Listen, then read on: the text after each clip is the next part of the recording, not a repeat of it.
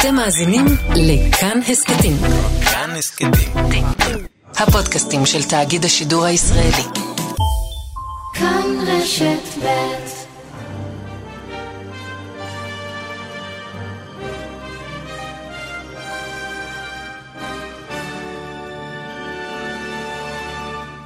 בוקר טוב, שנה טובה ושבת שלום לכל מאזיננו. אנחנו היום בתוכנית חג, במסגרת הסדרה שלנו, ראיון על שתי רגליים. נתב השידור הוא רוני נאור, אני יצחק נוי, והיום אנחנו מראיינים את אלכס זילוני, שידבר על חייו, ואנחנו נמצא אותם מאוד מעניינים.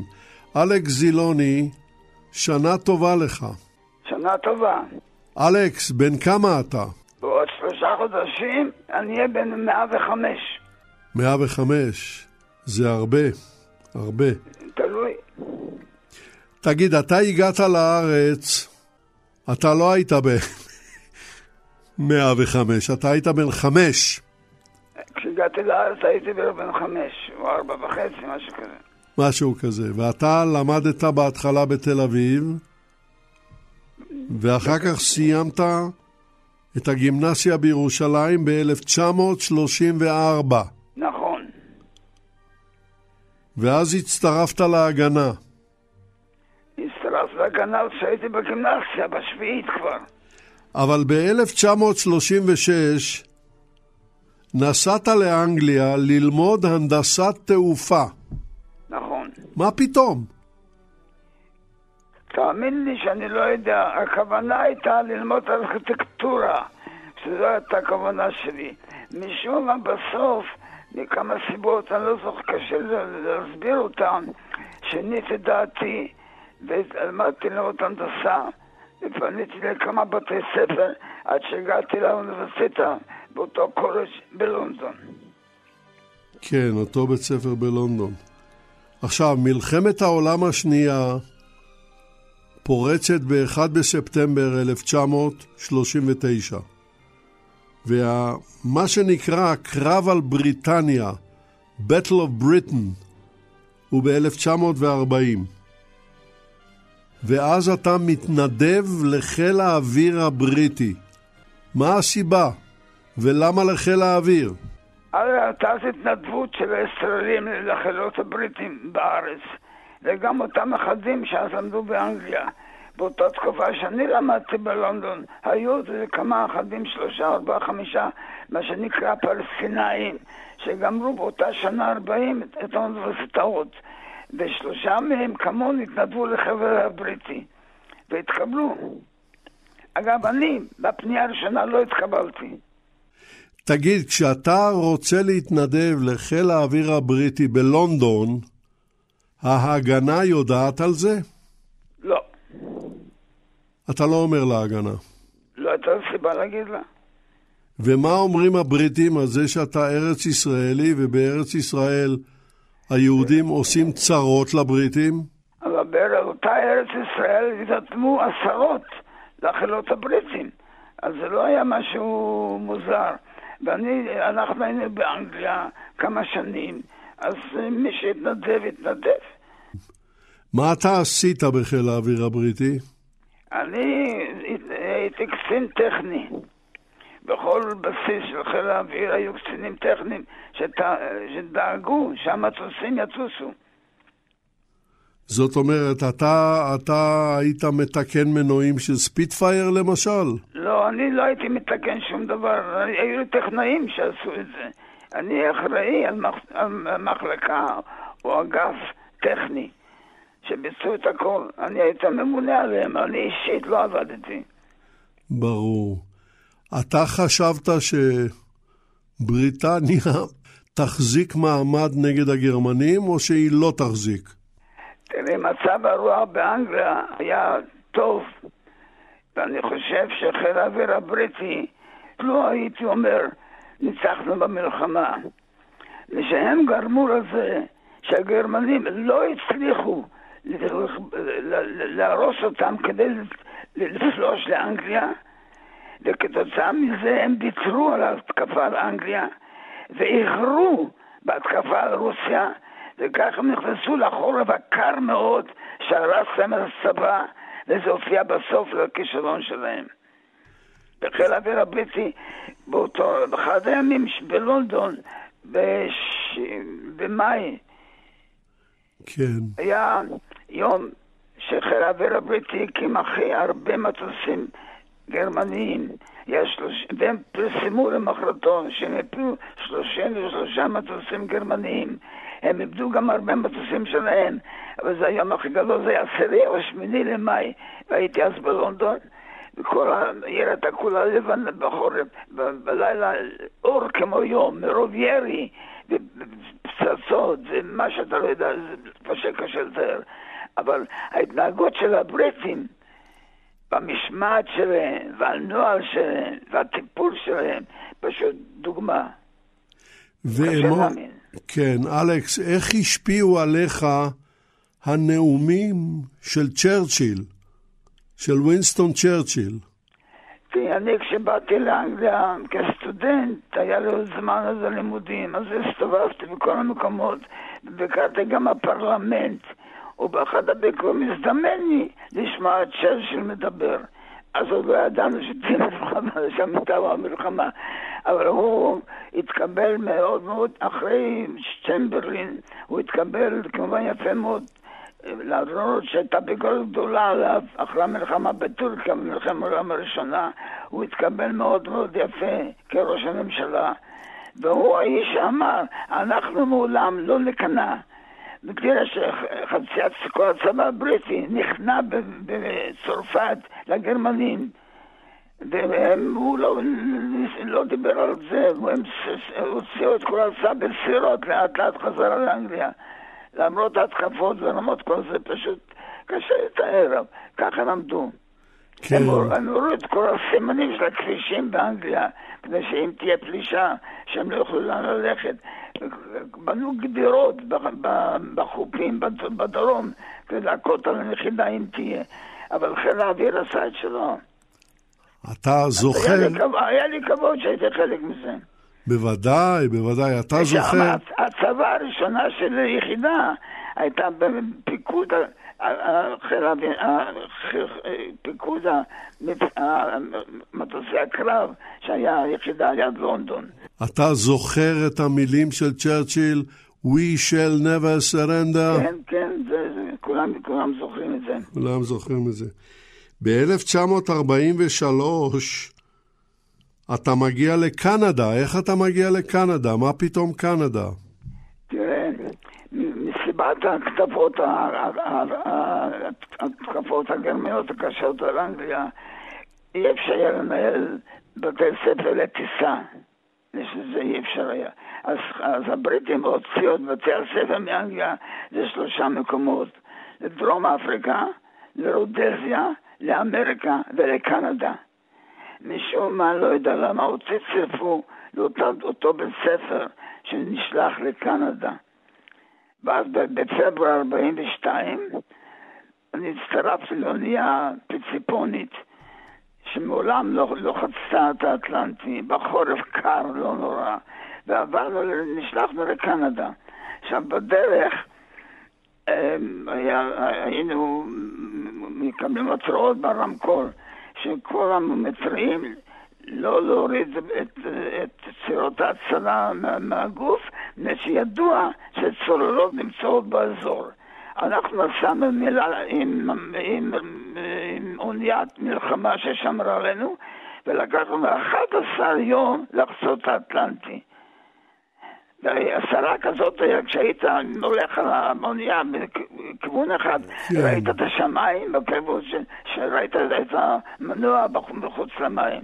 וכך זה בתקופה אחת גם הוא התקלקל, היה סיפור לא נורמלי. כשהגענו לקנדה, פתאום שמיים פתוחים, יש אוכל, אין, אין שום הגבלות, הכל שלום. השנתיים היו נחמדות. ושם גם למדתי לטוס, מפני ש...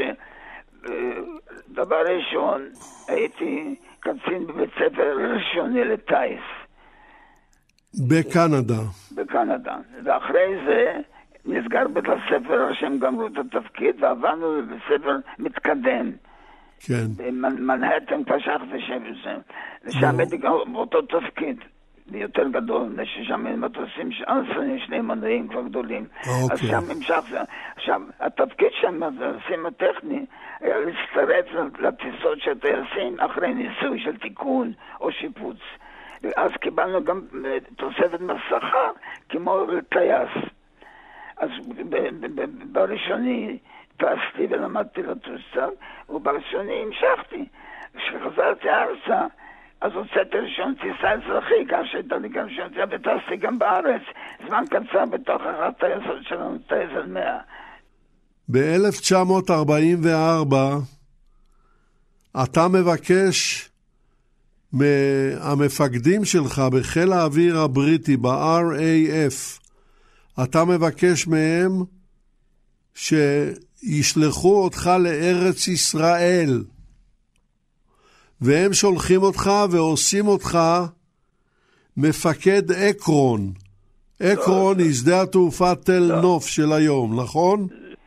מזמן שהתנדבתי, אז ביקשתי הצבא למזרח התיכון, לא לישראל.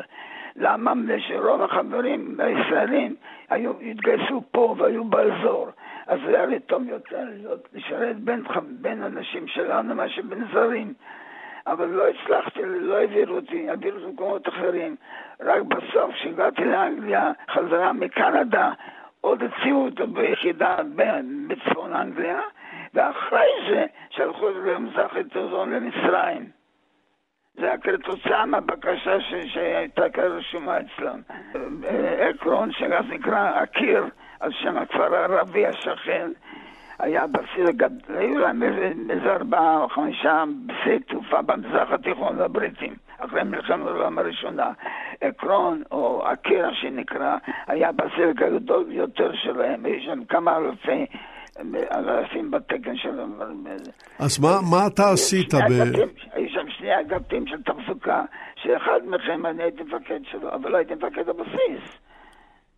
אני מבין, אני מבין. ושם עבדו גם המון ישראליות, שבאותם ימים עוד הייתה עבודת בד על מטוסים, והרבה בחורות ישראליות עבדו בבסיס. האם ההגנה ביקשה ממך, האם ההגנה ביקשה ממך לעשות פעולות לטובת היישוב היהודי? לא. לא ביקשו ממך. לא, לא, לא ביקשו ממך. באנגליה הייתה יחידה של ההגנה, שנפגשה כל חודש. והיה לנו גם מחנה של שבוע, שיש להם תמונות ממנו, שהיינו שם איזה עשרים איש מההגנה, שהיו חברי הגנה בארץ, ופעלו גם באנגליה תקופה קצרה מאוד. שהיינו נפגשים פעם בחודש. אבל הם לא מאיתנו שום דבר, לא ביקשו מיוחד שום דבר. אבל כל אחד יד, אוטומטית ידע, ידע משהו לעזור, ידע משהו להעביר, אז עשה את זה. כמו שעשה גם בארץ, אם אנחנו למדנו פה משהו, אז העברנו. ברור, ברור לגמרי שהבנתם. אמור לי, אבל אלכס, אתה קצין בריטי בתוך קצינים בריטים לא יהודים. האם אתה מרגיש באנטישמיות? לא, לא, לא, אין שום הבדל, שום הבדל. אני הייתי ספורטאי והצלחתי הרבה בספורט והייתי בריטי כמו כולם. אף אחד, לא, אף פעם, אף פעם לא היה שום מקרה שהיו. פרט למקרה אחד עם הפולנים. כשהייתי ביחידת קרב אחת באנגליה, היו שם גם פול, טייסים פולנים. כשאנשים פינו את פולין, הרבה מהם עברו לאנגליה, יחידות צבא. כן. אז פעם כשבאתי מהפולנים, אני קצת מדבר פולנית, עוד זכרתי, אז בהזדמנות מסוימת אמרתי להם, נפגש איתם, התחלתי לדבר לפעמים כמה פולנית, ואמרתי להם שאני, שאני בא מישראל, אמר, אה, אבל אתה שונה. זו הייתה תשובה, זה הביטוי האנטישם היחידי ששמעתי. לא מאנגלים כמו פולנים. כן. אז תרשה לי רק להגיד למאזינים שבימי מלחמת העולם השנייה, הרבה מאוד טייסים פולנים שהיו בפולניה, שנפלה בידי הגרמנים, ברחו לבריטניה והקימו טייסת של טייסים פולנים ואנשי אנשי החזקה פולנים. נכון.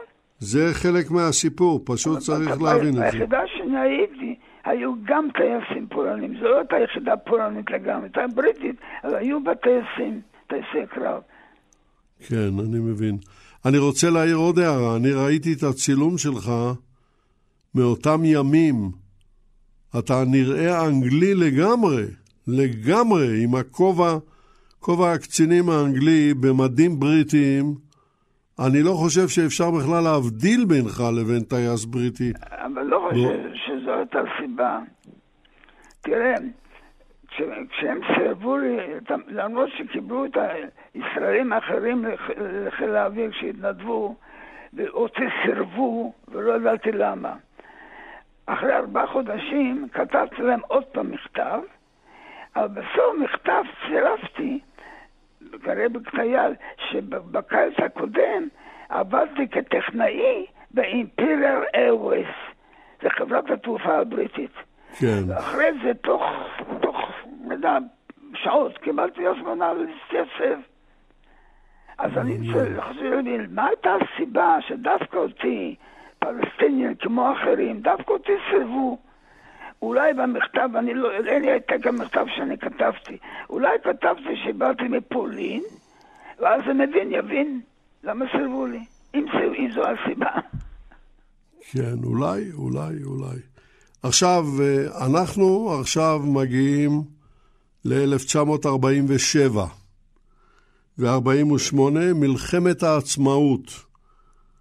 מה אתה עושה במלחמת העצמאות כאן בארץ ישראל? כשאני השתחררתי מחיל האוויר הבריטי ברמלה, המשפחה שלי גרה בחיפה. אז אני גרתי גם בחברה והצטרפתי לכלוב התעופה בחיפה. עכשיו, אייזיק, היה קצין בכיר של ההגנה, שנתיים קודם מונה על ידי ההגנה לתאם את פעולות תעופה בארץ וגם לעזור להם בצילומי אוויר בשביל ההגנה. והוא עשה הרבה מאוד לגבי קידום התעופה, בעיקר בתקציבים, או בארגונים, או בשדות תעופה, כן, לא, לא בטיסה עצמה, שלא לא היה טייס. אז הוא היה בא לחיפה לישיבות לבד, מזמן לזמן, אז פגשתי אותו שם, ודיברנו ודיברנו על כל מיני דברים, דיברנו גם על, כוח, אה, כוח אווירי בארץ, שעמד זמר קלט לקראת, ועוד בן יום בספטמבר, קיים מפגש עם קצינים לשעבר בצבא הבריטי, לדבר איך לחזק את היחידות שלנו. והם לא דנו בכם, הם ציינו, הם מדברים על חיל האוויר, ושהם לא היינו שחיל האוויר, לא היה מושג. אז יעקב פלץ, שהיה ראש המטה של חיל האוויר, הטיל באותו שלב גם על אייזי לתת איזו הסעה לכוח אווירי. אז הוא התייעץ עם, עם יוצאי חיל האוויר שהיו פה, הוא פגש כמעט כמה שהשתחררו מחיל האוויר הבריטי כטייסים, והוא אמר לי גם שההגנה קבעה שיוקם כוח אווירי, אפע באנגלית. כן, קראו לזה... כוח אווירי. והוא אמר, תהיה ישיבה בתל אביב, והוא יודיע לי. הייתה ישיבה בתל אביב אצל דורי, במשרדו בתל אביב. בן גוריון, אגב, לא השתתף בישיבה, מה שכתוב בכמה מקומות, בכלל בכלל ההיסטוריונים מסלפים את ההיסטוריה, את ההיסטוריה בנורבה. לא, לא תתפלא אם משה רבנו בכלל לא היה דבר כזה, ושאבינו לא היה דבר כזה. כי ההיסטוריונים משלימים דברים כמו שהם חושבו. ומי שהיה אז בתקופה ידע שאנחנו מקימים חיל אוויר. חיל האוויר קם לפני, שחיל, לפני שצה"ל קם. כשצה"ל קם היה חיל האוויר היה וחיל הים היה. הוא לא קם כתוצאה אחרי שצה"ל הקים אותו. כן. אז, אה, אז בישיבה הזאת דורי הודיע למשתתפים שם, שהיא המטה וכל החשובים, ידין ופרופסור רטני מהטכניון וכן הלאה, שהוחלט לקום כוח אווירי שיקרא שירות אוויר. ייקרא. זאת אומרת, יש לך, אתה בן אדם, יש לך שם שהוא יכול להבין, להבין אותו גם כבחורה. למה, למה, למה קראו השם אוויר? אז, אז אני הערתי על הנושא הזה, אמרתי, שירות אוויר זה, זה, זה מה, אנחנו טקסי, איזה מין דבר זה, אנחנו מקימים חיל ולא דבר כזה. אז הסביר לי יגאל ידין, שאגב הוא היה חבר כיתה שלי בגימנסיה, של קצין המבצעים, שאלון התנגד, שהם גם מפקד הפלמ"ח, התנגד שיהיה מישהו, עוד מפקד מפקד הפלמ"ח. אז יגאל עשה פשרה. הוא אמר, טוב, נקרא לזה שירות אוויר. אז עכשיו אתה שומע הרבה סימפוליזיונים שלא ישמרו, מתוך שירות האוויר קם חיל האוויר. איזה שטות ובושה לאנשים שעבדו, רוב האנשים שהקימו היו אנשי חיל האוויר הבריטי לשעבר, ועוד לכמה. ואני, ואני כראש מטה, אני קבעתי, הייתי שותף לקבל אותם, וקבענו את התפקידים של כולם. אז זה מראה לך שההיסטוריונים צריכים להיזהר מאוד מה הם כותבים. טוב, היסטוריונים תמיד עושים טעויות. נכון, אבל לא, זה משנה להיסטוריה, אז זה לא כל כך נורא, הסוף היה טוב, אבל זה, זה מוריד את הערך של אנשים שעשו והקריבו דברים שעשו את זה, אז חבל שלא ידעו עליהם. טוב, אתה מעמיד דברים על תיקונם, שומעים אותנו עכשיו הרבה מאוד אנשים. ואני מקווה שאנחנו גם את ה... נלמד מזה. נלמד מזה, כן. עכשיו, אתה הופך להיות מפקד תל נוף עכשיו. כן, לא, לא, אז הייתי קודם. אז אחרי ש... אז באותה ישיבה, אייזיק מונה לראש השירות, ואני מונית לסגנו, לממלא מקום, ובאופן חוכמה רבה הם צפו גם את אהרון רמז, בלי לקבוע תפקיד, היות הוא היה טייס קרב בחיל האוויר הבריטי. כן, ברור. ולא, וגם בחוכמה לא קבעו לו תפקיד, שרק אני קבעתי כראש מטה, מיניתי אותו כקצין המבצעים. כן. אחר כך במשך הזמן הוא נהפך לחיל האוויר. ולחיל האוויר הוא קבע דרגות שונות. הוא, הוא רצה חיל האוויר דומה לחבר הבריטי. חיל האוויר באנגליה, חילות האוויר, כל חייל היה כפוף לשר שלו. לא כמו פה, שאנחנו כופים לגוף אחד במטכ"ל. הוא רצה אותו דבר, וגם הוא קבע שמות שונים לחיל האוויר. היה שם אה, אה, אלוף אוויר, ראש אה, מפקד, ראש כנף, ראש, ראש אגף, היו שמות שונים, שרק האוויר, צה"ל שינה אותם כמובן. ככה היו הדרגות הראשונות שלו. אז, אז זה מה שהיה. תגיד לי, אה, אה, אלכס, אמרו שהטייסים באותה תקופה, בזמן המלחמה, לא היו ממושמעים, הם היו פראיים, הם עשו מה שבא להם. זה נכון הדבר הזה? טייסים בתוך מסגרת הבריטית או הישראלית? לא, הישראלית, המתנדבים שבאו להקים את חיל האוויר הישראלי. הם היו הנה, מאוד מאוד פרועים. הם לא באו להקים את חיל האוויר הישראלי.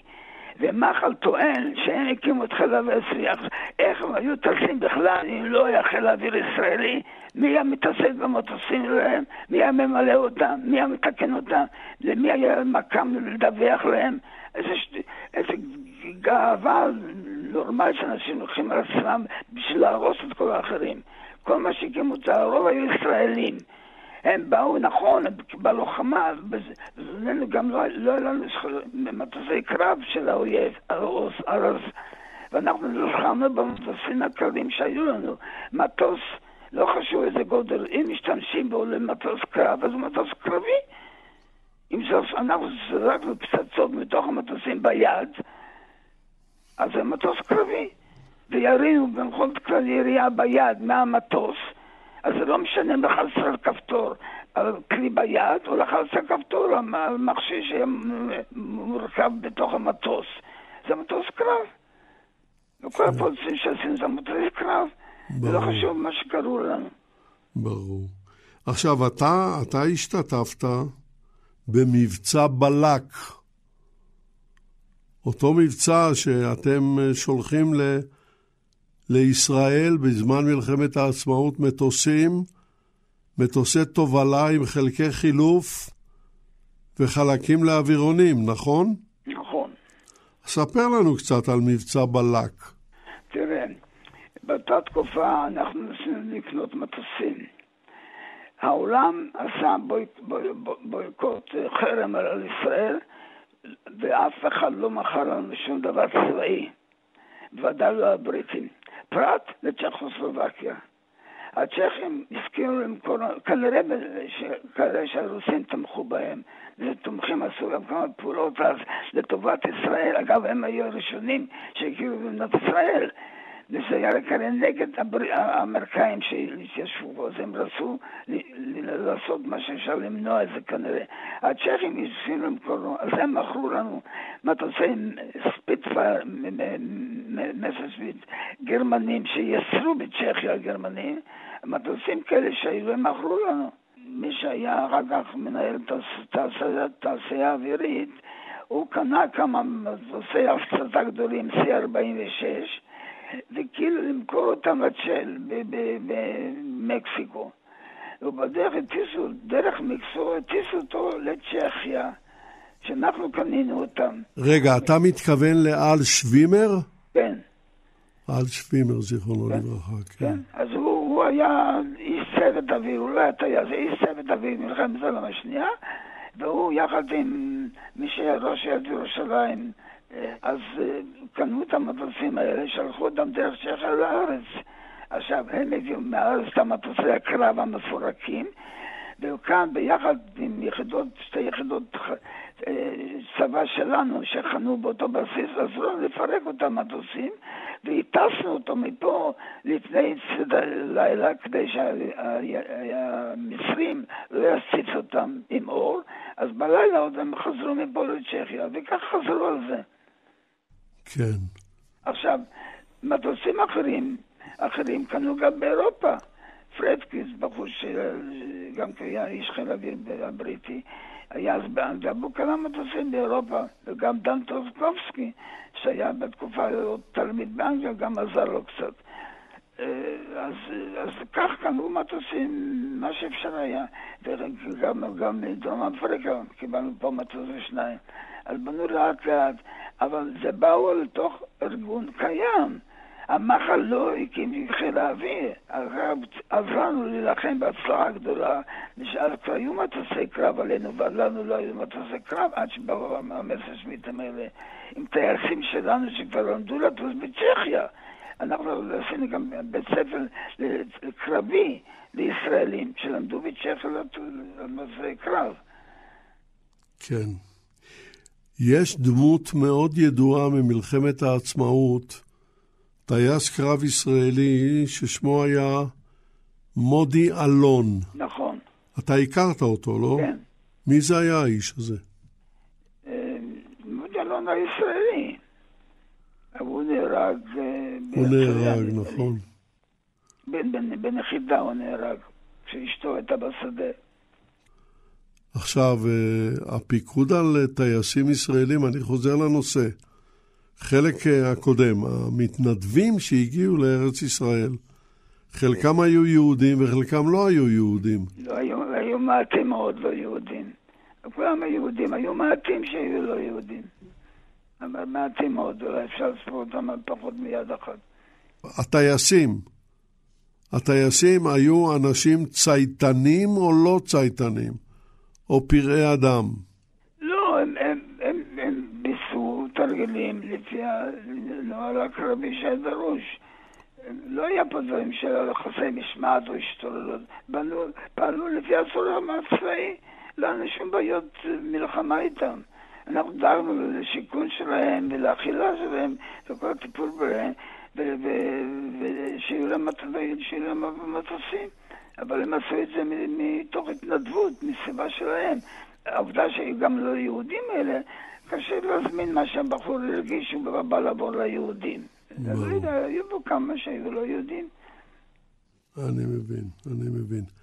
עכשיו, אה, אלכס, למשל, מפקד טייסת 35 בקרום, כשאני הייתי מפקד, היה אמריקאי, לא יהודי, שאבא שלו היה מאוד פרו-ישראלי, והוא היה קצין חיל הים האמריקאי לשעבר, והוא היה מפקד טייסת 35, ברור, שעבדה עם דרום ים המלח בעיקר. ברור. אלכס, אני רציתי לשאול אותך, אם אתה עדיין זוכר, תקרית שהייתה בסיום מלחמת העצמאות, כשהמטוסים שלנו הפילו חמישה ספיטפיירים בריטיים בדרום. נכון. אתה זוכר את התקרית הזאת? כן. אתה יכול קצת לספר לנו עליה? אני לא יודע את הפרטים, היה איזה עניין שהמצרים התערבו, התערבו כשאנחנו היינו בסיני, התערבו בכוחות שלנו, עם מטוסים שלהם. אז המטוסים שלנו הגיבו, כולל עזר ויצמן שהיה חלק מהם. ואז המטוס, הטייסים שלנו היו כאלה יותר מנוסים, שהטייסים הבריטים היו כנראה טייסים די חדשים, שלא היו, לא היו עוד טייסים בזמן המלחמה. הטייסים שלנו היו טייסים שכולם כבר שירתו קודם במלחמה, אז הם היו מנוסים. אז לא פלא שהם הורידו כמה נוסעים בריטים, אבל הבריטים לא עשו עסק מזה. הם השתיקו את זה. את הבושה וכלימה, אבל הם, אה, לא שילמנו שום דבר אה, עונש כתוצאה מזה. כן, כן. אז מסתבר שכדי להיות טייס קרב טוב, צריך ניסיון. הרבה ניסיון, טוב, ניסיון כמו כל דבר. כמו כל גם, דבר. גם לענות בטלפון צריך ניסיון. כן, כן. לאיזו דרגה הגעת בצבא הבריטי? כשעזבתי את קנדה, התפקיד היה סגן אלוף, אבל היות ופירקנו את היחידה, אז לא הספקתי לקבל את הדרגה, אז השתחררתי כרב סרן, באיזו דרגה זו הייתה? וגם flight lieutenant, אה, אלוף. אני מבין. גם, גם, גם בצבא הישראלי אין לי דרגה מספקת. אתה, אחרי שהשתחררת, עד לפני שבע שנים, עד 2013, אתה יושב ראש איגוד החיילים המשוחררים, זה נכון? יושב ראש האיגוד, האיגוד העולמי של חיילים יהודים משוחררים. אה, אוקיי, אז תיקנו את זה. הדבר הזה, דבר לא משמיעים. אני חושב שזה היה פעם אחת בהיסטוריה שגוף יהודי רשמי נבחר פונה לראש הנצרות הנבחר להביע את הערכתו למעשיו כלפי היהודים. כן, זה לא, לא הוזכר בארץ אפילו, לא שדיברו על זה. כן, אבל זה כן. לא מספיק, אבל למחרתו, כשישראלי, אני לא זוכר מי זה היה אצל, ה- אצל, אצל ברומא, זה כן פורסם. אבל איגוד של מיליון וחצי יהודים שהסתובבו לא פורסם. זה לא מספיק חשוב במדינת ישראל. וזה לא הדבר היחידי שגם מבזבזים ולא חושבים על, על, על, דבר ציבורי שהמדינה עושה. זה כנראה לא מעניין מספיק את העיתונות פה.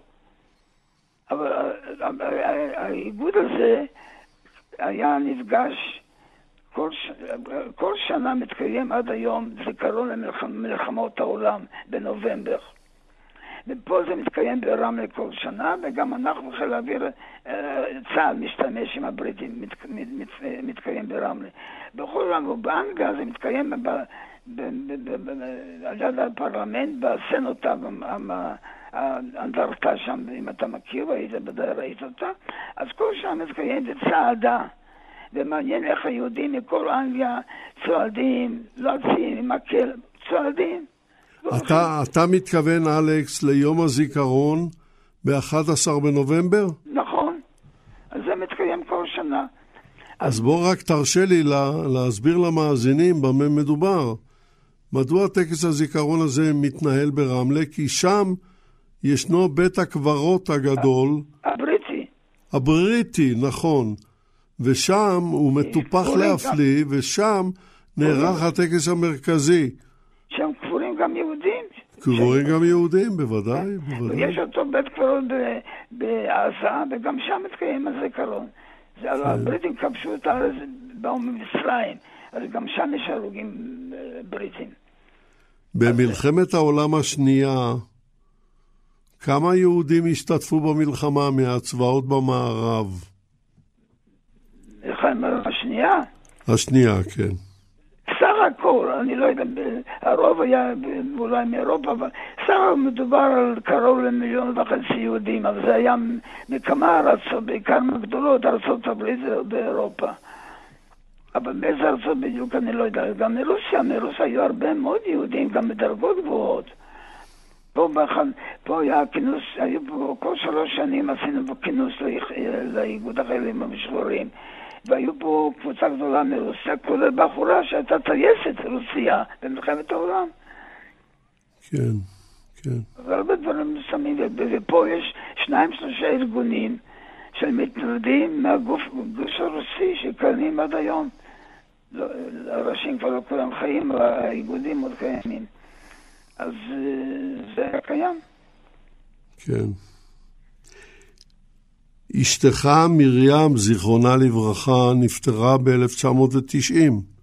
נכון. ומאז אתה למעשה לבדך. נכון. יש לכם, יש לכם אה, שלוש בנות. נכון. מה אתה עושה היום? עד לפני כמה שנים, כשאני גמרתי עם הצבא, עם צה"ל, אז נכנסתי לתעשייה אזרחית. אז הייתי מנהל, הייתי מנהל, חבר בהנהלת המקור,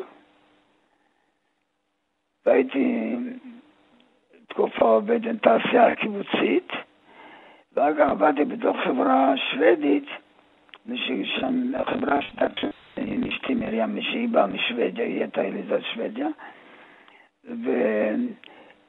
ועבדתי עם הרבה, הרבה חברות בהרבה נושאים חשובים מאוד, למשל ראש, רכבל ראש הנקרא ורכבל מצדה.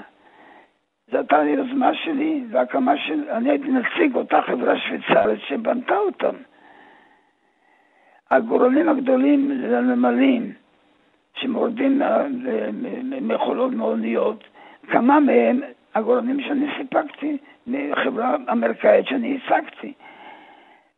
50 אוניות של אה, אשלג מים המלח מתוצרת אמריקאית שיצרו בספרד, אני סיפקתי. אז הרבה דברים, מקצועי עשיתי את זה, זה יותר מ-15 שנה שעסקתי בזה, הרווחתי יפה מאוד. עד שבסוף יצאתי לפנסיה גם מזה. אני ממשיך לצייר, יש לי מספיק בזאת, עוסק בהיסטוריה, ואני עוד חבר בצוות. אבל האיגוד הבינלאומי, שעשה כל כך הרבה, אנחנו התכתבנו, תראה, אני הייתי ראש הצוות 60 שנה למרד, למרד וגטו ורשה. היה טקס גדול מאוד בוורשה, שהשתתף בו נשיא פולין רעייתו, סגן נשיא ארצות הברית, יחידה צבאית פולנית, יחידות מכמה גופים שהשתתפו. היה טקס מאוד מרשים בקרקוב, ששם קפורים 12 ישראלים שנפלו בשבי. קבורים הרבה עם שלושה, ויש 12 קברים, אחד לא קבור שם משום מה, ושם השתתפו יחידה צבאית פולנית, ואני מטעם איגוד החיילים המשוחררים, וגם דיברתי, גם הגנפתי שם, הנחתי זר שם. וקיימו עוד שאני הייתי פעמיים בראש צוות בביקור בבתי קברות בפולין. אז גם פעם ראשונה ראיתי כזה של אימא שלי, כשחזרתי נספחות בוושינגטון, בדרך הביתה ביקרתי בשוודיה לראות משפחת אשתי, ומשם נסעתי לבקר בוורשה. אז פעם ראשונה פגשתי, ביקרתי בקבר של אמי, שעד אז לא ראיתי.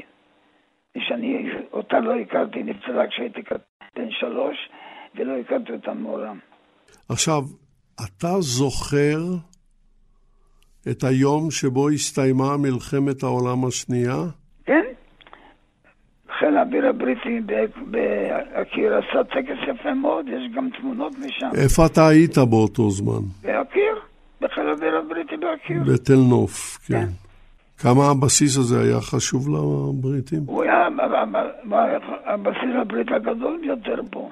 שם שיפצו הרבה מטוסים. אבל אחר כך, למזלי, כשאני באתי לשם, הבסיס הזה, כמו גם רמת דוד, נקנה על ידי הסוכנות מהבריטים. והבריטים שמו תנאי שאת השטחים שהם כבשו כביכול מהאזור מסביב, מאנשים פרטיים שיחזירו אותם. כמובן שאני עד היום לא יחזיר אף פעם, לא חשוב. אז, אה, אז אני באתי לבסיס ריק לגמרי. הייתי צריך לבנות אותם מההתחלה, אז כל הדרגות וכל הארגונים והכל בניתי העתק מה שלמדתי בבריטים. וגם אה, קבעתי דגל לבסיס. אחרי שהקורפו התארגן, עשיתי מסדר פתיחה, שיש תמונות ממנו, כולל מפקדים מהאזור, וכולל בן גוריון. יש פה תמונות של אותה תקופה.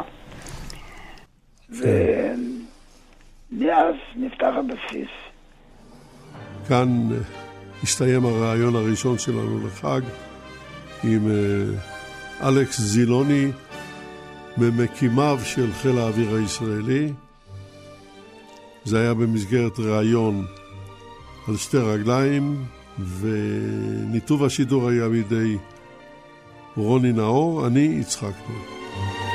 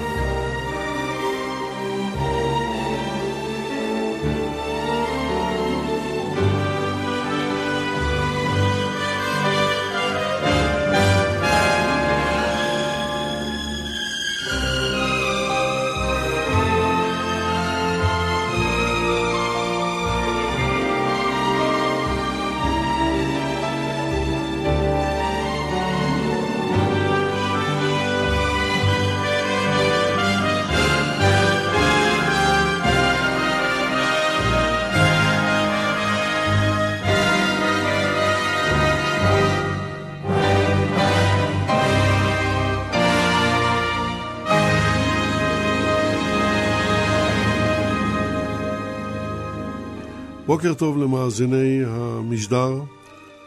אנחנו היום בראש השנה, תשפ"א, ולפנינו אחת מתוך שתי תוכניות שנקראות ראיון על שתי רגליים, תוכניתו של יגאל בוטון, ואנחנו מארחים היום את פרופסור זיווה שמיר. אני רק רוצה להוסיף ש... נתב השידור שלנו רוני נאור, ואנחנו הצוות, אני יצחק נוי, ואנחנו הצוות שמוכן לתוכנית. ובכן, בוקר טוב לך, שנה טובה ושבת שלום, פרופסור זיווה שמיר. בוקר טוב וחג שמח. חג שמח לכולנו. ונקווה שתהיה שנה טובה וכן הלאה. אני רוצה, אנחנו רוצים למקד את הריאיון היום סביב אה, ספרך החדש. כתבת עשרות ספרים, אבל זה החדש, שנקרא אבני חן. חן במקרה הזה חיים נחמן, כמו שדרות חן בתל אביב. אבני חן מאוצרות לשונו של ביאליק, בהוצאת ספרא, והוא מאוד מעניין והוא מאוד מתאים גם לשנה החדשה. אבל נתחיל בך, פרופסור שמיר. מהמעט שאני יודע עלייך, את... Uh, הורייך ילידי תל אביב, את ילידת הארץ. מהסבא ומהסבתא יש קשר להקמת פתח תקווה. עד נכון. כדי כך, את מייפלאואר ישראלי. את יכולה... אינני יודעת אם היום זה מקבלים נקודות זכות על כך. אה, אנחנו ניתן לך נקודות זכות. אוקיי. אבל בואי ספרי לנו קצת על אה, ילדותך, ואחר כך על המעבר לחיים האקדמיים וכן הלאה. טוב, אז באמת הספר נכתב לזכר הוריי, שנולדו שניהם במה שקוראים העיר העברית הראשונה. אה, אבי יצחק גרבורג, הוא נולד בעשור הראשון של תל אביב, יומיים אחרי הצהרת בלפור. אה, והוריו, לשם שמחה, הוסיפו לו אפילו את השם ארתור. אה, על שמו של ארתור בלפור. כן. ואימי חווה לבית רימון, גם היא ילידת תל אביב, והיא השתתפה בהלומיה במופעי האופרה הארץ-ישראלית, שהוקמה בתל אביב כידוע. כן. אמ, רק, היא... רק תרשי לי לעזור למאזינים, כן. הצהרת בלפור היא 2 בנובמבר 1917. נכון מאוד. היא אה, השתתפה בהצגה, בהצגת קרמן, בתפקיד גבריאלה, מיכאלה, כבר אינני זוכרת. אמי נולדה בדיוק באותו שבוע שבו נולד בן כיתתה, הסופר משה שמיר. שניהם עולמים בתמונה של גן הילדים למרגלות הגננת אה, חיה ברוידה, שבעלה המפורסם, יוסף חיים ברנר, אה, נרצח בדיוק בשנה שבה אה, נולדו תלמידיה. 1921. נכון מאוד. אז uh, זאת, ה, זאת בעצם ההתחלה. כל הזיכרונות אני... ילדות שלך הם מתחילים בתל אביב. Uh, כן, uh, בהחלט. Uh, הוריי סיפרו לי סיפורים רבים על, uh, על uh, תל אביב. הם נולדו בתקופה שהכל היה עירום, בלי טיפת צל. Uh, הכבישים עוד לא נסללו. הם היו הולכים אה, בתוך אה, חולות, חולות הזהב, כמו שקראו לזה. ושיירות של גמלים עוברות עם חומרי בניין. נכון מאוד. כן. ו...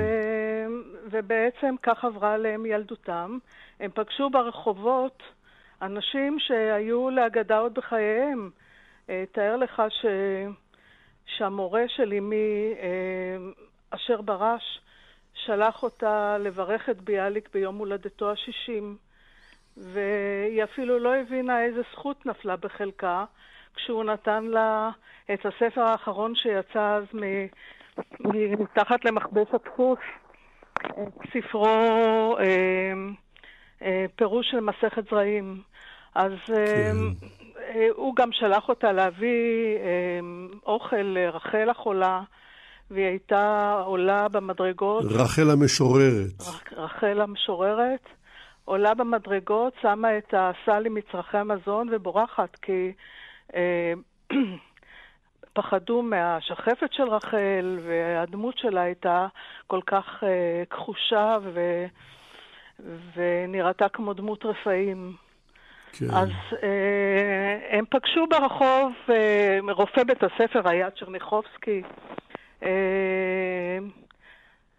ציירים, מדינאים, מילו, אה, אשתו הראשונה של שלונסקי אה, הייתה מביאה לי ממתנות ממסעותיה בחו"ל, ואבי, שכבר בנעוריו כתב כל מיני ספרונים, הוא היה פוגש את אלתרמן בדפוס הארץ ב... בתחנה המרכזית, ואפילו עמד על זכותו לעמוד בתור לסדר, כמו כול, אה, כולם. ולכן אה, אלתרמן כתב עליו הומורסקה בעיתון תשע בערב, אה, על נער אסרטיבי שדואג לתור בבית הדפוס. כן. כן, אלה הסיפורים שעליהם גדלתי. ובעצם אה, הם, אה, הם שפרנסו את, ה, את הילדות שלי. את הילדות ואת הדמיון, האם אפשר לומר שבאופן בלתי נמנע מילדות כזאת בחרת כמקצוע בספרות עברית? יכול מאוד להיות, אה, אמי באה ממשפחת סופרים, אה, וכשהם עמדו, הוריי, מתחת לחופה, אז הרב אה, אביגדור עמיאל, שהיה רב העיר, אמר שזאת הפעם הראשונה שהוא עורך טקס קידושים לזוג ששני בניו נולדו בתל אביב. והוא איחל להם שהשם שלהם ייזכר ברשומות כמי שהקימו את הבית הילידי הראשון של העיר תל אביב. בהחלט. איך את מגיעה לאוניברסיטת תל אביב? Uh, במקביל ללימודים שלי באוניברסיטה, וגם uh, כששירתתי בצבא בגדוד צנחנים, אני למדתי תרגום אצל uh, דוקטור אדם ריכטר, ראש אגודת המתרגמים דאז, ואני התלבטתי מאוד אם לעסוק בתרגום סימולטני או בתרגום של ספרי מופת. אבל בסוף הלימודים אני התקבלתי למכון לחקר הספרות, שזה אך הוקם, בראשותו של בועז שחביץ, ושיבצו אותי בצוות, בצוות העריכה של המהדורה האקדמית של כתבי ביאליק. וכך יצא שאני הקדשתי את, לביאליק את כל חיי בעצם, את רוב כן, שנותיי. כן. אה, לפעמים עסקתי גם בעגנון, ברחל, ברטוש, אלתרמן, לאה גולדברג, כן, אבל... כן, כן, כן. אבל בעיקר בביאליק. ביאליק. היום את פרופסור אמריטה. נכון. מאוניברסיטת תל אביב, שבה גם למדת וגם לימדת. כן, ואת מלמדת ב... במרכז הבינתחומי בהרצליה. בהרצליה, כן, כן, כן. בואי נעבור לספר האחרון שלך. כן. את כתבת כ-30 ספרים, אבל זה האחרון. אה, זה שוב, ספרי 40. כן, זה עוד כן. יותר אפילו. אבני חן מאוצרות לשונו של ביאליק בהוצאת ספרא, כפי שאמרתי בתחילת הדברים. ואני אפנה לשאלה הראשונה, והיא זו, מתוך ספרך אנחנו לומדים שביאליק, עד כמה שזה נשמע מוזר, לא ידע הרבה שפות. כן, הוא ידע ממש... יידיש, רגע, רגע, אני כבר כן, מגיע כן. לשאלה. כן. הוא ידע לפי הספר שלך יידיש, שהיא שפת האם כמובן, ועברית. עכשיו, כן. את אומרת שבשביל לכתוב מכתב ברוסית, שהוא שלט בה חלקית, הוא היה צריך עזרה. אנחנו יודעים, אני לא יודע עד כמה, בוודאי הדברים האלה ידועים לך, שכש... הוא כתב את uh, בעיר ההרגה, פואמה שעשתה רושם עצום בעולם היהודי. זאב ז'בוטינסקי תרגם את הפואמה לרוסית. כן. וביאליק אמר על התרגום שהוא יותר טוב, כך אומרים, שהוא יותר טוב מהמקור. אז איך זה שהוא לא ידע רוסית? תראה, ביאליק ניסה לעבור את בחינות הבגרות ברוסית ולא הצליח. אמ, הוא, עיקר ההשכלה שלו הייתה בחדר, בישיבה, בבית המדרש. אמ, כשהוא היה צריך לכתוב מכתב אה, לעיר עיין, כמו שאמרת, הוא נזקק לעזרת חבריו. אמ, אה, ז'בוטינסקי, אה, הוא אהב את ז'בוטינסקי מאוד. כי ז'בוטינסקי בעצם פרסם את uh, אותו בכל רחבי uh, רוסיה. וז'בוטינסקי היה גאון לינגוויסטי. אין ספק. אין ספק. אין ספק. ובסופו של דבר, התרגום של ז'בוטינסקי אפילו הציל את, את חייו של ביאליק כמו את חייהם של רבים אחרים, כי אה, מקסים גורקי, שקרא את התרגום, אמר שזהו שזוהי יצירה של אה, סופר גאון, וטרח להשגת רישיון יציאה מברית המועצות לביאליק ולעוד עשרה בתי אב של סופרים, שביאליק בחר מבין סופרי אודסה, כדי שיוכלו לעלות ארצה. מי יודע מה היה עולה בגורלם אם הם היו נשארים בברית המועצות. אכן. אכן. Uh, מכל מקום, הידע של ביאליק בשפות היה מצד אחד מצומצם כל כך, כי הוא שלט רק בשפות היהודים, אבל מצד שני כל כך עמוק עד בלי די. כי היום כשכל ילד יודע אנגלית מצפייה בטלוויזיה, וכל אדם משכיל יודע לפחות אה, שפה זרה אחת או שתיים, אה, קשה לנו להאמין שביאליק לא שלט בשפות זרות. הוא אמר לחבריו ש...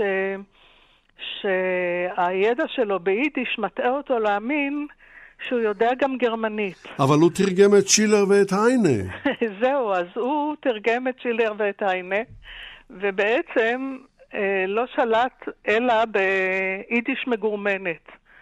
אה, ונעזר בכל מיני עזרים ובכל מיני תרגומים אה, סביבו, אבל בסופו של דבר הוא מעולם לא נפגש עם אנשים כמו הרצל או פרויד, ויש לנו פתק בארכיון שמראה שפרויד הזמין אותו לארוחה בביתו. Uh, לדעתי זה משום שהוא בעצם הייתה לו, היו לו רגשי נחיתות על כך שהוא איננו שולט בגרמנית. טוב, הוא כמובן לא שלט בגרמנית כמו שילר או היינה, אבל הוא בכל אופן תרגם אותם. השאלה הבאה היא זו, הלוא שפת האם של ביאליק הייתה יידיש. כן. וביידיש הוא לא כתב אלא עשרים שירים. נכון. כל היתר הוא כתב בעברית. נכון איך את מאוד. מסבירה את זה? אז קודם כל, אה, את המכתב הראשון שלו לסבו הוא כתב בעברית, ובעצם הוא הקדיש את כל חייו לעברית, כמו שיל"ג אמר, עבד אנוכי לעברית עד נצח. אה, ביאליק היה עבד לעברית. הוא חשב שזו השפה של עם ישראל, ושכל הדברים שנכתבו בשפות אחרות, לרבות אה, דברים שנכתבו בערבית בתור הזהב בספרד, כל הדברים האלה צללו לתהום הנשייה, ושרק הדברים שנכתבו בעברית שרדו לנצח. אה, אז קודם כל הוא חשב שעליו להקדיש את חייו לעברית, ורק ב-1900, סליחה, ב-1899, כשחברו הטוב וידידו ואורחו, אה, רבניצקי, הוציא כתב עת, דר יוד, ל- ביידיש וביקש ממנו שיתרום משהו לכתב העת שלו, הוא קיבל בעצם היתר לכתוב משהו ביידיש, ומעט השירים שהוא, שהוא חיבר ביידיש השפיעו אה, השפעה עמוקה מאוד על אה, התפתחות ספרות יידיש. כן, זה מעניין מפני שאם את עוקבת אחרי שירתו של אורי צבי גרינברג, ואת בוודאי בקיאה בזה הרבה יותר ממני, את יודעת שגם אצל אורי צבי גרינברג היו שירים, או הייתה לא שירים אלא כתיבה ביידיש. היא לא הייתה מרובה, אבל היא הייתה קיימת. כן, כן. אה, ודאי. אה, ביאליק אבל הבין בשלב די מוקדם שכל מיני חוגים פוליטיים עושים את היידיש אה, מין טריז בין, ה, בין ה, העם לבין הרעיון הציוני, ולכן אה, הוא הפסיק לכתוב ביידיש, לא, לא כתב אלא עשרים שירים במשך כל ימי חייו, וזה בשפה שבה הוא אה, דיבר וחלם, וזאת הייתה בעצם שפתו הטבעית. אז דווקא בה הוא כתב מעט מאוד וחזר לעברית והקדיש לה את כל חייו. את היית מתארת אותו היום, אה, פרופסור שמיר, בנתיב הפוליטי, הוא היה, היית מתארת אותו בצד ימין, אני מניח. אה, לאו דווקא. אה, ביאליק היה, היה ציוני כללי, כמו חבריו מתקופת אודסה, אבל אין לערבב את זה עם המפלגות של ימינו. לא, לא, לא נעשה את זה בשום אופן. משום שבעצם אה, ביאליק האמין ברעיון המתינות של ויצמן, שאותו הוא תיאר כיהודי החכם ביותר בדורו, ו... וויצמן כמובן לא היה אהוד על החוגים הרוויזיוניסטיים, הם ראו בו משתף פעולה עם הבריטים. אה, המפה הפוליטית השתנתה מאוד מאז ועד היום. כן, כן. עכשיו, לפי משהו מעניין, לפי מחשבת הלשון של ביאליק, השפה העברית נשארה, או נשמרה נאמר, במשך 1800-1900 שנות הגולה, מפני שלא השתמשו בה ביום-יום. זה מצב נכון. פרדוקסלי, את יכולה להסביר אותו? נכון מאוד. אה, אה, הרצל הרי לא האמין בתחיית הלשון העברית. הוא חשב ש... אה, שבעצם בארץ ישראל הארץ תהיה מחולקת לקנטונים כמו בשוויץ, ובכל קנטון ידברו שפה אחרת. אה, כשהוא ביקש פעם לומר בעברית את המילים עד מתי, אז נשאר פתק שהוא כתב את זה באותיות לועזיות, עד מוסוי. אה, כן, הוא, לא שלט, האמין- הוא לחלוטין לא שלט בעברית, הרצל, צריך כן. להוסיף, כן. ואם הרצל לא האמין בתחיית השפה העברית, אז לא יתפלא שהאוריינטליסט החשוב, תיאודור נולדקה, כתב באנציקלופדיה הבריטניקה לשנת 1911, בערך עברית, אה, בלגלוג על החלום של הציונים אה, להחיות שפה מתה. והוא אמר שהחלום הזה הזוי לא פחות מחלומם של היהודים להקים אה, מעצמה ב- בפלסטינה. טוב, נו, את יודעת, אפשר להשתמש בלשונו של ביאליק ביידיש ולומר, עותר גישריבן. אז הוא כתב, אז כן. מה? לא כתב, אז- לא קרה כלום. אה, אז ביאליק באמת, כמו שאמרת, הוא אה, חשב ש... שהסיכוי של השפה העברית, להתמ... אה, של תחיית השפה העברית להתממש, הוא סיכוי טוב. למה? משום שבשנות הגלות הארוכות העברית הייתה חנותה בין דפי הספר. בכל אחת מהגלויות שבפזורה היהודית אה, דיברו שפה אחרת, אה, לשון אה, יהודית, אה, דיאלקטים שונים של יידיש ולדינו, וערבית יהודית, ופרסית יהודית וכולי וכולי. אבל מה עם שירת ספרד? רגע, אבל הוא חשב שמשום כך אפשר לחולל את נס השפה התחייה. כאילו העם היה מדבר, אתה מדבר על ספרות כתובה, אבל הוא דיבר על דיבור. אם העם היה מדבר בגלויות השונות בעברית ולא בלשון, אה, אה, בלשונות היהודים, העברית הייתה נחרטת מזמן מתחת לשמיים, כמו שנחרטו ונעלמו כל הלשונות הקדומות. העם היה משתמש בכל תפוצה בדיאלקט עברי שונה, עד שהעברית הייתה אה, דועכת ומתמזגת עם השפה המקומית. אבל זה בערך מה שקורה אצלנו בישראל היום, הלא כן? אה, לצערנו, כן. צריך לה, להצית את האש לא רק מתחת לכור, לכור ההיתוך של פעם, גם צריך להצית את, העת, את האש מתחתיו, אבל גם אולי לעשות סיבוב שני לתחיית השפה העברית. יש, גדל פה היום דור של צעירים שמסתפק ב-200-300 מילים וחושב אה, שזאת השפה העברית. טוב, הוא גם יודע שביאליק זה רחוב, כן. בין היתר.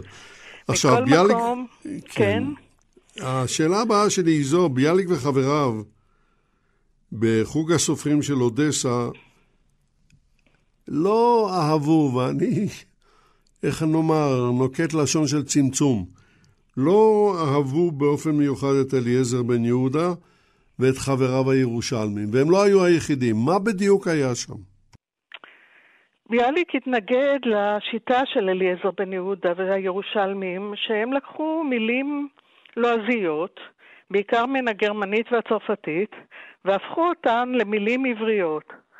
הוא חשב אה, שתחיית השפה העברית צריכה להיעשות מתוך העברית הקלאסית, מתוך המקורות הקלאסיים, ולא לברוא דברים יש מאין. את יכולה לתת לנו דוגמה או שתיים?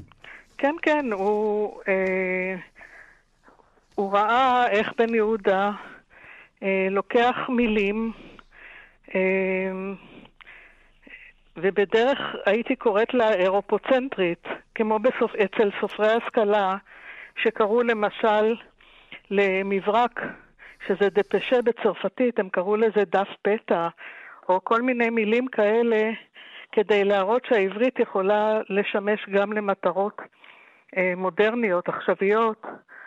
אז הוא אה, חשב שזה מין ניסיון להפגין יכולת פילולוגית, אה, וגם אה, אה, אה, אה, הייתי אומרת שה, שהמשקלים שבן יהודה אה, חידש על פיהם לא מצאו חן בעיניו. הוא לא אהב את ריבוי המילים עם הסיומת איה, שמשייה, מטריה, חמנייה, סופגניה.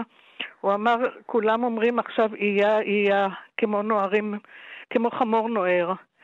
אז נכון שהרבה מילים של בן יהודה השתגרו, כמו עיתון ומדרכה אה, ומשטרה וכולי, אבל הרבה מילים שלו נשכחו, וכמו סך רחוק לטלפון, מקולית לפטפון, מקושית לפסנתר וכולי וכולי. כן, אבל אם אה, ניקח את המילה סך רחוק, כן. נשמט ונעלם. אבל מי שמחליף את המילה, מה שמחליף את המילה הזו זה טלפון, והיא לא מילה עברית. נכון, אבל אי אפשר כנראה למצוא מילה שמתאימה לפרדיגמה של השפה העברית, ואתה לא יכול להגיד לסחרחק, אתה יכול להגיד לטלפן, לטלפן. אה, מתי החידושים של בן יהודה הצליחו? בעיקר באותן מילים שבעקבות דמיון של צלילים למילים מצויות, אה, הוא המשיך את המנהג של סופרי השכלה לבסס את התחדישים שלו על צלילים של מילים לועזיות ידועות. למשל, אווירון מאוויון, סבון מסבון בצרפתית, בובה מפופב בצרפתית, גלידה מז'לטו באיטלקית, אה, נזלת מן... לביאליק, לביאליק היו אלטרנטיבות לכל המילים האלה? אה, לא לכל המילים האלה, חלקן מצאו חן בעיניו. המילים האלה השתגרו והיכו שורש בגלל דמיון הצלילים שהקל על, על סחירת מילים כאלה. אה, הצלחה מיוחדת נחלו אותן מילים שהמקור הלועזי שלהם התלכד בדרך נס עם המילה העברית. למשל גלידה, ז'לטו באיטלקית, זה, זה דומה גם לגליד קרח, מלשון חז"ל, או אה, המילה מברשת שחידש בן יהודה, היא דומה לברוש, אז אה, אה, שהוא דמוי מברשת. ואז אה, השורש החדש בית רישין מתאים באמת לפרדיגמה של הלשון העברית, אה, וזה פותח פתח לבריאת מילים נוספות, כמו להבריש והברשה וכולי וכולי. תראי, אני, אה, אני, אה, פרופסור שמיר, אני לא רוצה להיות שליחו של השטן, אבל הדברים עומדים על קצה לשוני, הלוא גם ב- ב- בעברית התלמודית יש שפע של מילים שבאים מיוונית. נכון מאוד. נכון מאוד. מה היה יחסו של ביאליק למילים האלה? ש... ביאל... אושפיזין למשל, אושפיזין. לסוכה. מה יותר יהודי מאשר אושפיזין, ובא, וזה בא מהמילה אוספיס. אתה אה, צודק במאת האחוזים. אה, ביאליק חשב שקודם כל צריך ללכת על המקורות הקלאסיים אה, ולראות אם יש שורש עברי, או לפחות ארמי, שבכוחו לחדש חידוש. למשל, אה, התחדיש של ביאליק מטוס, שהדיח כידוע את האווירון שנולד בבית מדרשו של בן יהודה, יכול לה, להעיד על השוני שבין אה, מדיניות הלשון של אה, מחדשי הלשון הירושלמים לבין זו של ביאליק. אה, איתמר בן אבי, בנו של אליעזר בן יהודה, הוא חידש את המילה אווירון, בהסתמך על המילה הצרפתית אביון. אבל אה, המילה הזאת מצאה את מקומה פחות או יותר. רד כן, אלינו אווירון. נכון, פעם היה שיר כזה, אבל אה, מאחר שזה לקוח משורש לועזי, אז אי אפשר אה, לגזור מן המילה אווירון מילים נוספות שקשורות בטיס, כמו טייס או טייסת וטיסון וכולי. הטייס באותה תקופה כינו אותו בשם אוויראי או מעופף, ואם אתה תקרא את המכתבים של עגנון, אז הוא מתגאה בזה שזימנו אותו בזמן הטיסה לאוסלו לתא של מנהיג האווירון. אה, מי היום היה אומר? מי היה היום אומר מנהיג האווירון?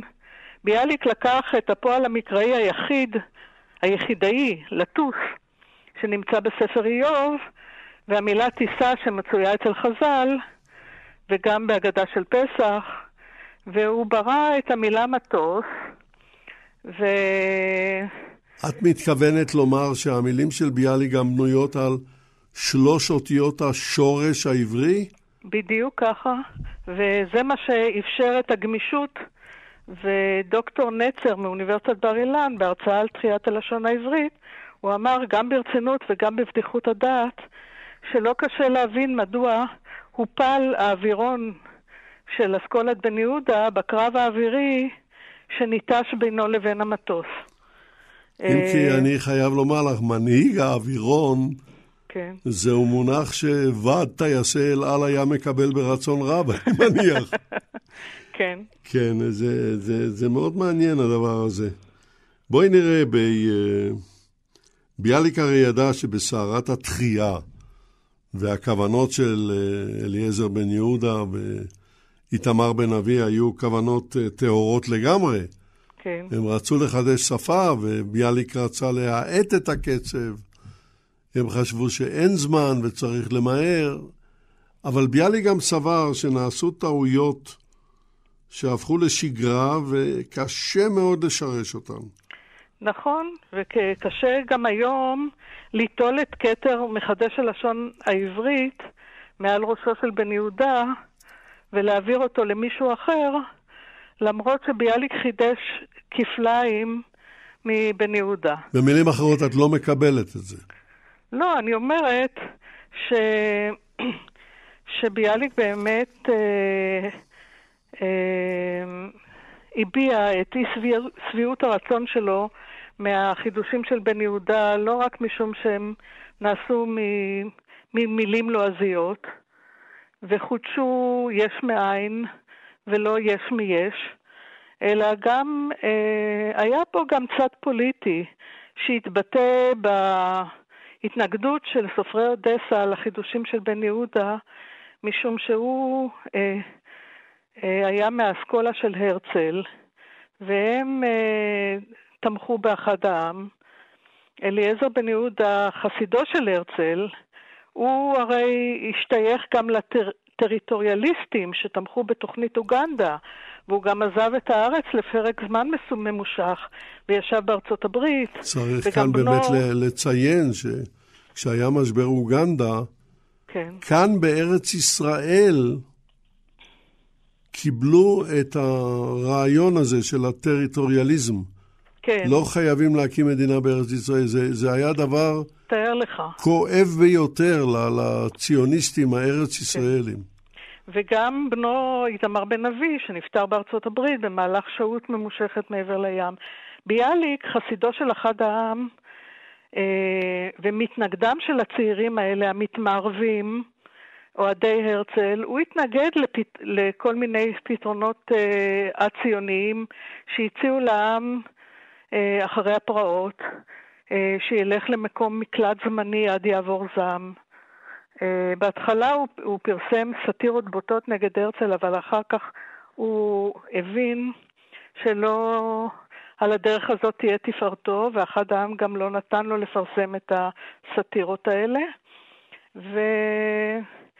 אבל היה, הייתה עוינות בין המחנות, שהגיעה לשיאה בימים שבהם אה, ניסו לדחוק למשל את מנדלה מכל מעמד ולמחוק את חלקו בתחיית השפה העברית.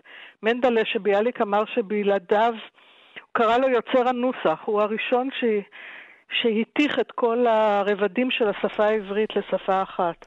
מנדלה אה, מוכר ספרים, כן. כן, כן. אז כל הדברים האלה גם כן אה, תרמו לה, לעוינות הזאת, וביאליק אמר, אה, ואפילו עגנון, ש...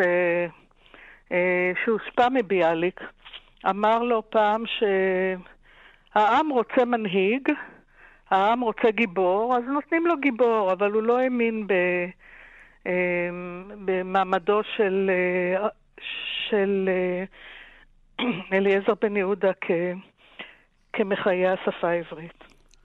כן, בסופו של דבר ביאליק המציא מילים, לפי ספרך, מילים רבות יותר משל כל מחיי השפה העברית לדורותיהם.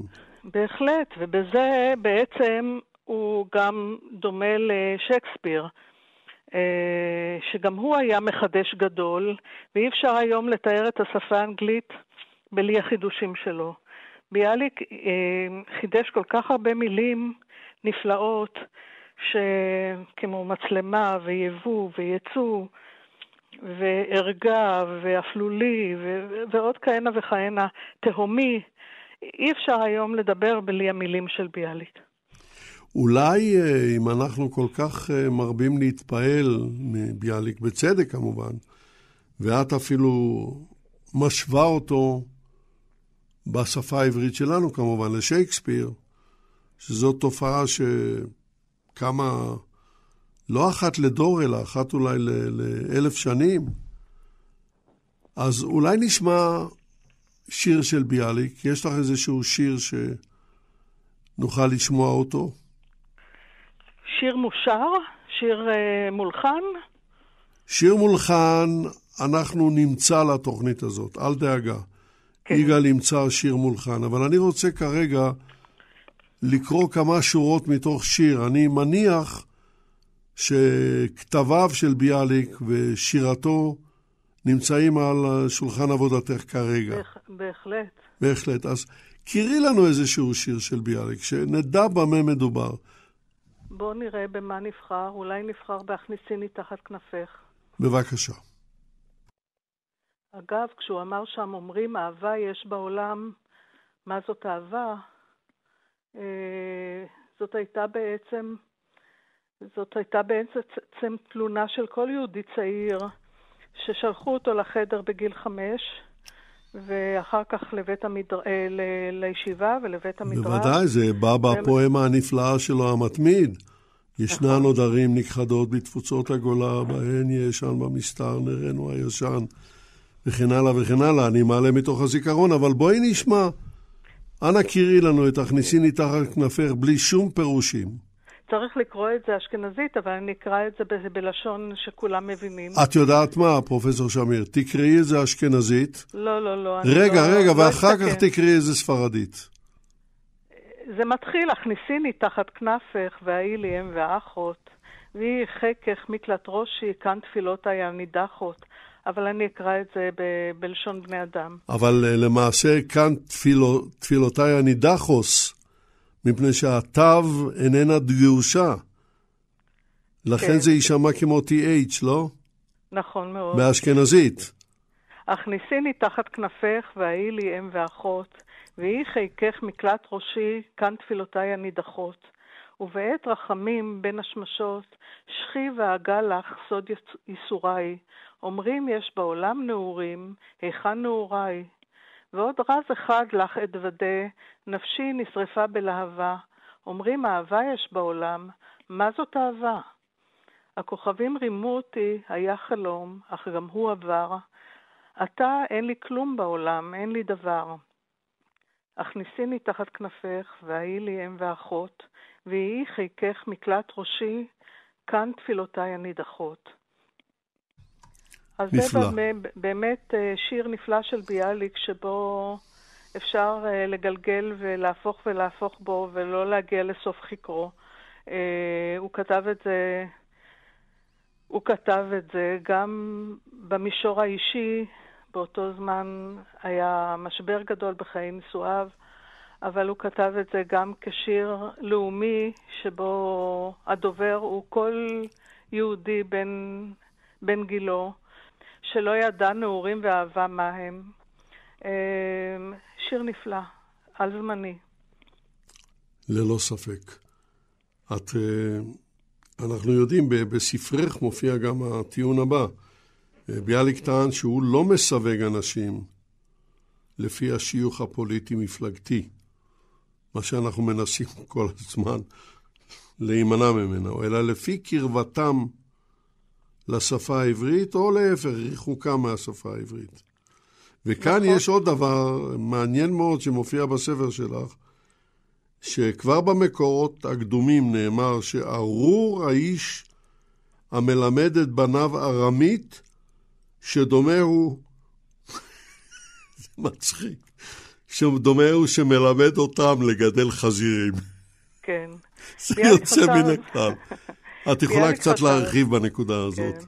הוא חשב ש... אה, שהבגידה בעם וההתבוללות מתחילה עם אובדן השפה.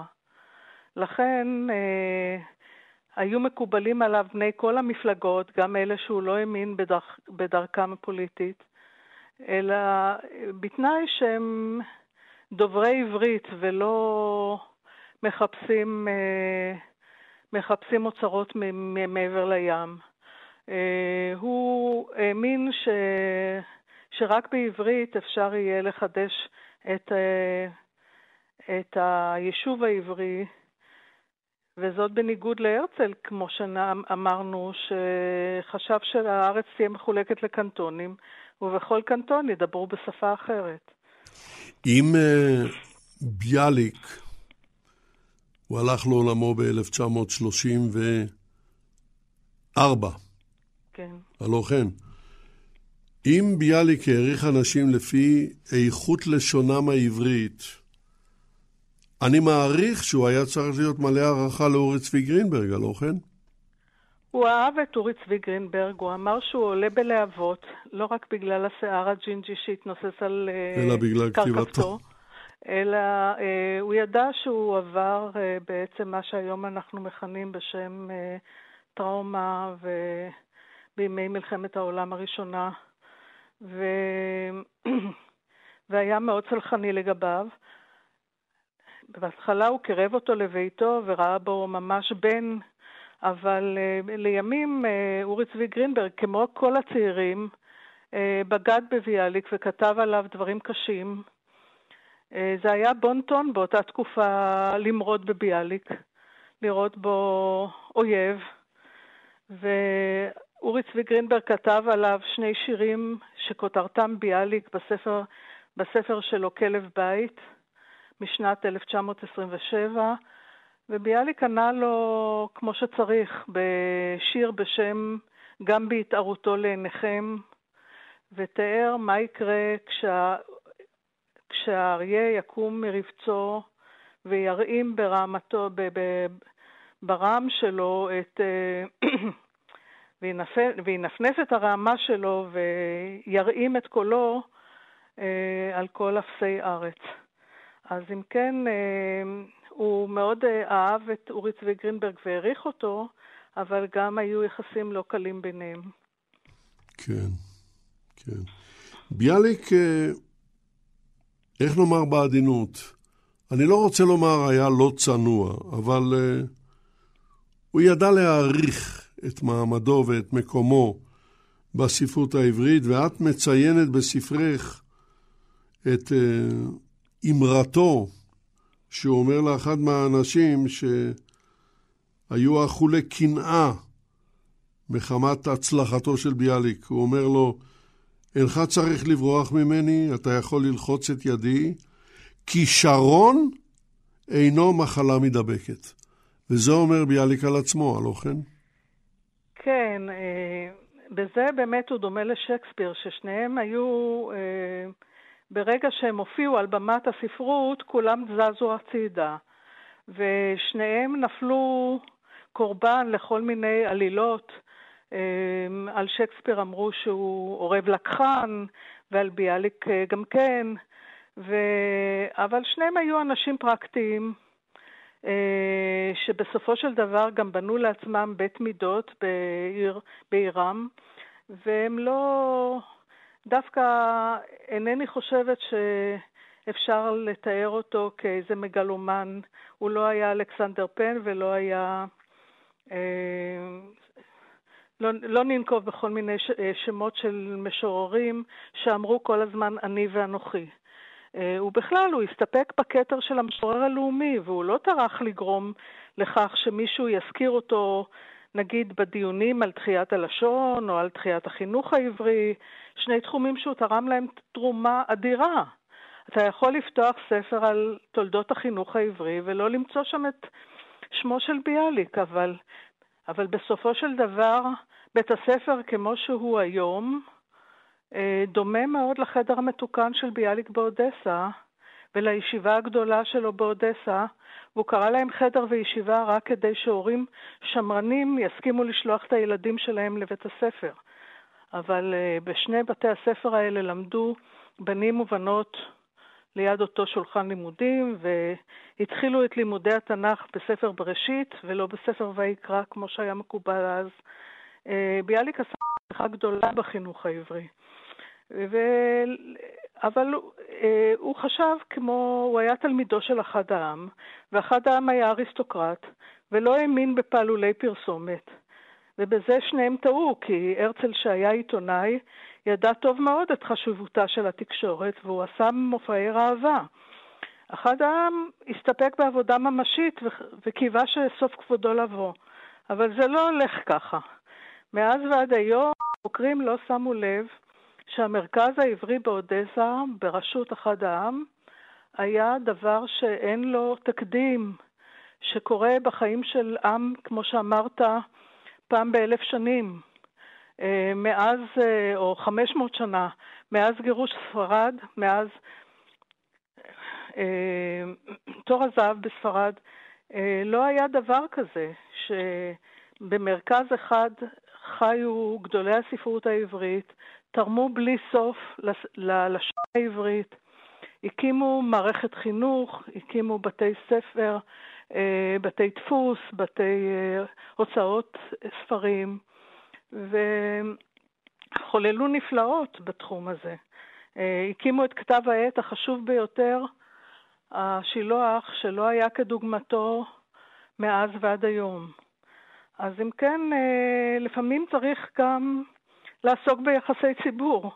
אה, הרצל לא טעה כשהוא כעיתונאי נסע לארמונות הסולטן במרכבה ויצא במסע מתוקשר לירושלים וכולי וכולי.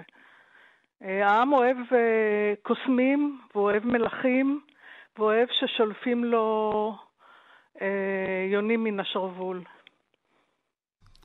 וביאליק לא היה אחד כזה. ביאליק לא היה אחד כזה, הוא הלך לשיטתו של אחד העם, ו...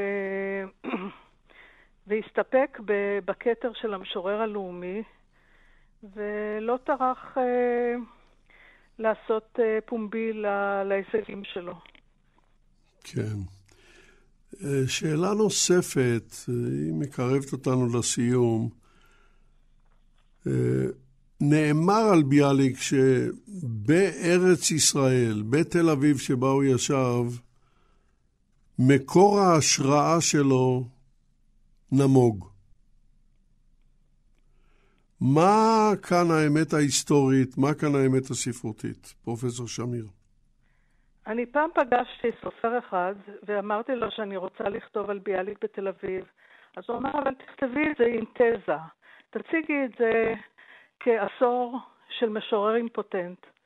אמרתי לו, אבל זה לא נכון. הוא אומר, כן, אבל אנשים רוצים שיהיה תזה לספר. אה, זה רחוק מאוד מן האמת. ביאליק, בריכת חייו לא הייתה שוקטת, גם לא בעשור התל אביבי. הוא כתב בלי סוף דברים, הוא כתב את המחזור יתמות, שהוא מחזור השירים היפה ביותר שלו. הוא כתב את אגדת שלושה וארבעה בנוסח המורחב. הוא כתב uh, שירים נבואיים שחלקם אינם מוכרים כי הם יצאו לאור אחרי שיצאה מהדורת יובל השישים שלו.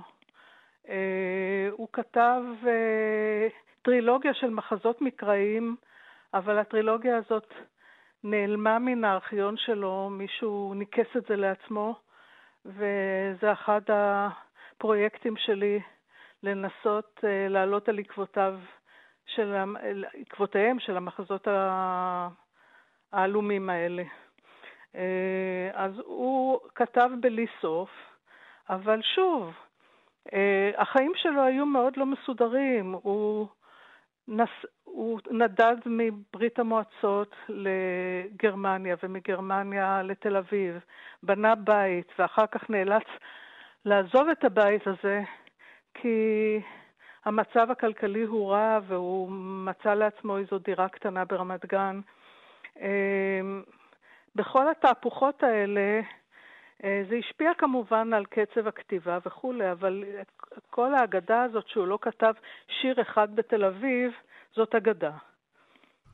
את הזכרת מקודם, פרופסור שמיר, משבר בחייו הפרטיים של ביאליק, כאן כן. ב... בארץ ישראל. את יכולה אולי להרחיב בכמה משפטים? המשבר האישי שהיה ב... בחייו? בוודאי. אז, אז אה, ידוע הסיפור של הציירת עיריין, שהוא הכיר אותה בימים שבהם הוא נשלח לקישינב לסקר את הפרעות. הוא נדד מבית לבית והיה צריך ל... אה, לאסוף אה, עדויות. בסופו של דבר אה, הוא הזמין אותה, את הציירת הזאת, שהיא הייתה אישה יוצאת דופן, בת למשפחה משפחה של אנשים משכילים ועשירים וידועים. הוא הזמין אותה לאייר את מהדורת השירים שלו, והיא התאהבה בו עד כלות, ועזבה את הבית ואת השפה שלה ואת המשפחה ואת החברים והכול, וקיוותה שביאליק יעלה לארץ ישראל העות'מאנית בעקבותיה. זה לא קרה כמובן, ו...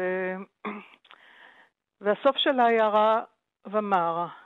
Uh, הפרשה הזאת לא הרפתה מביאליק כל ימי חייו, וגם כשהוא אסף את uh, מהדורת יובל השישים שלו, וזה היה, אפשר להגיד, עשר, עשרים שנה אחרי, אחרי מותה של uh,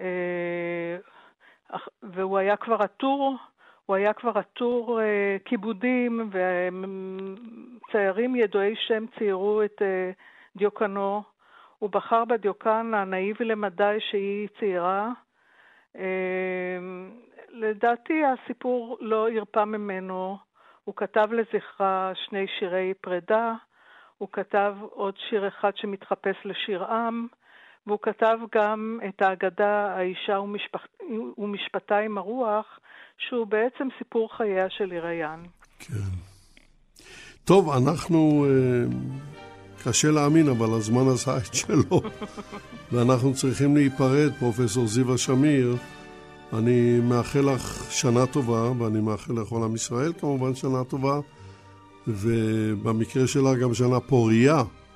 תודה רבה. ואני מקווה שתביאי לנו עוד ועוד אה, ספרים מן הסוג הזה. תודה לך. אנחנו כאן אה, נסיים, זה היה רעיון על שתי רגליים עם פרופסור זיווה שמיר, תוכניתו של יגאל בוטון, הטכנאי, האיש שהוביל את הצד הטכני, נתב השידור, היה רוני נאור, אני יצחק נוי. שנה טובה לכולם.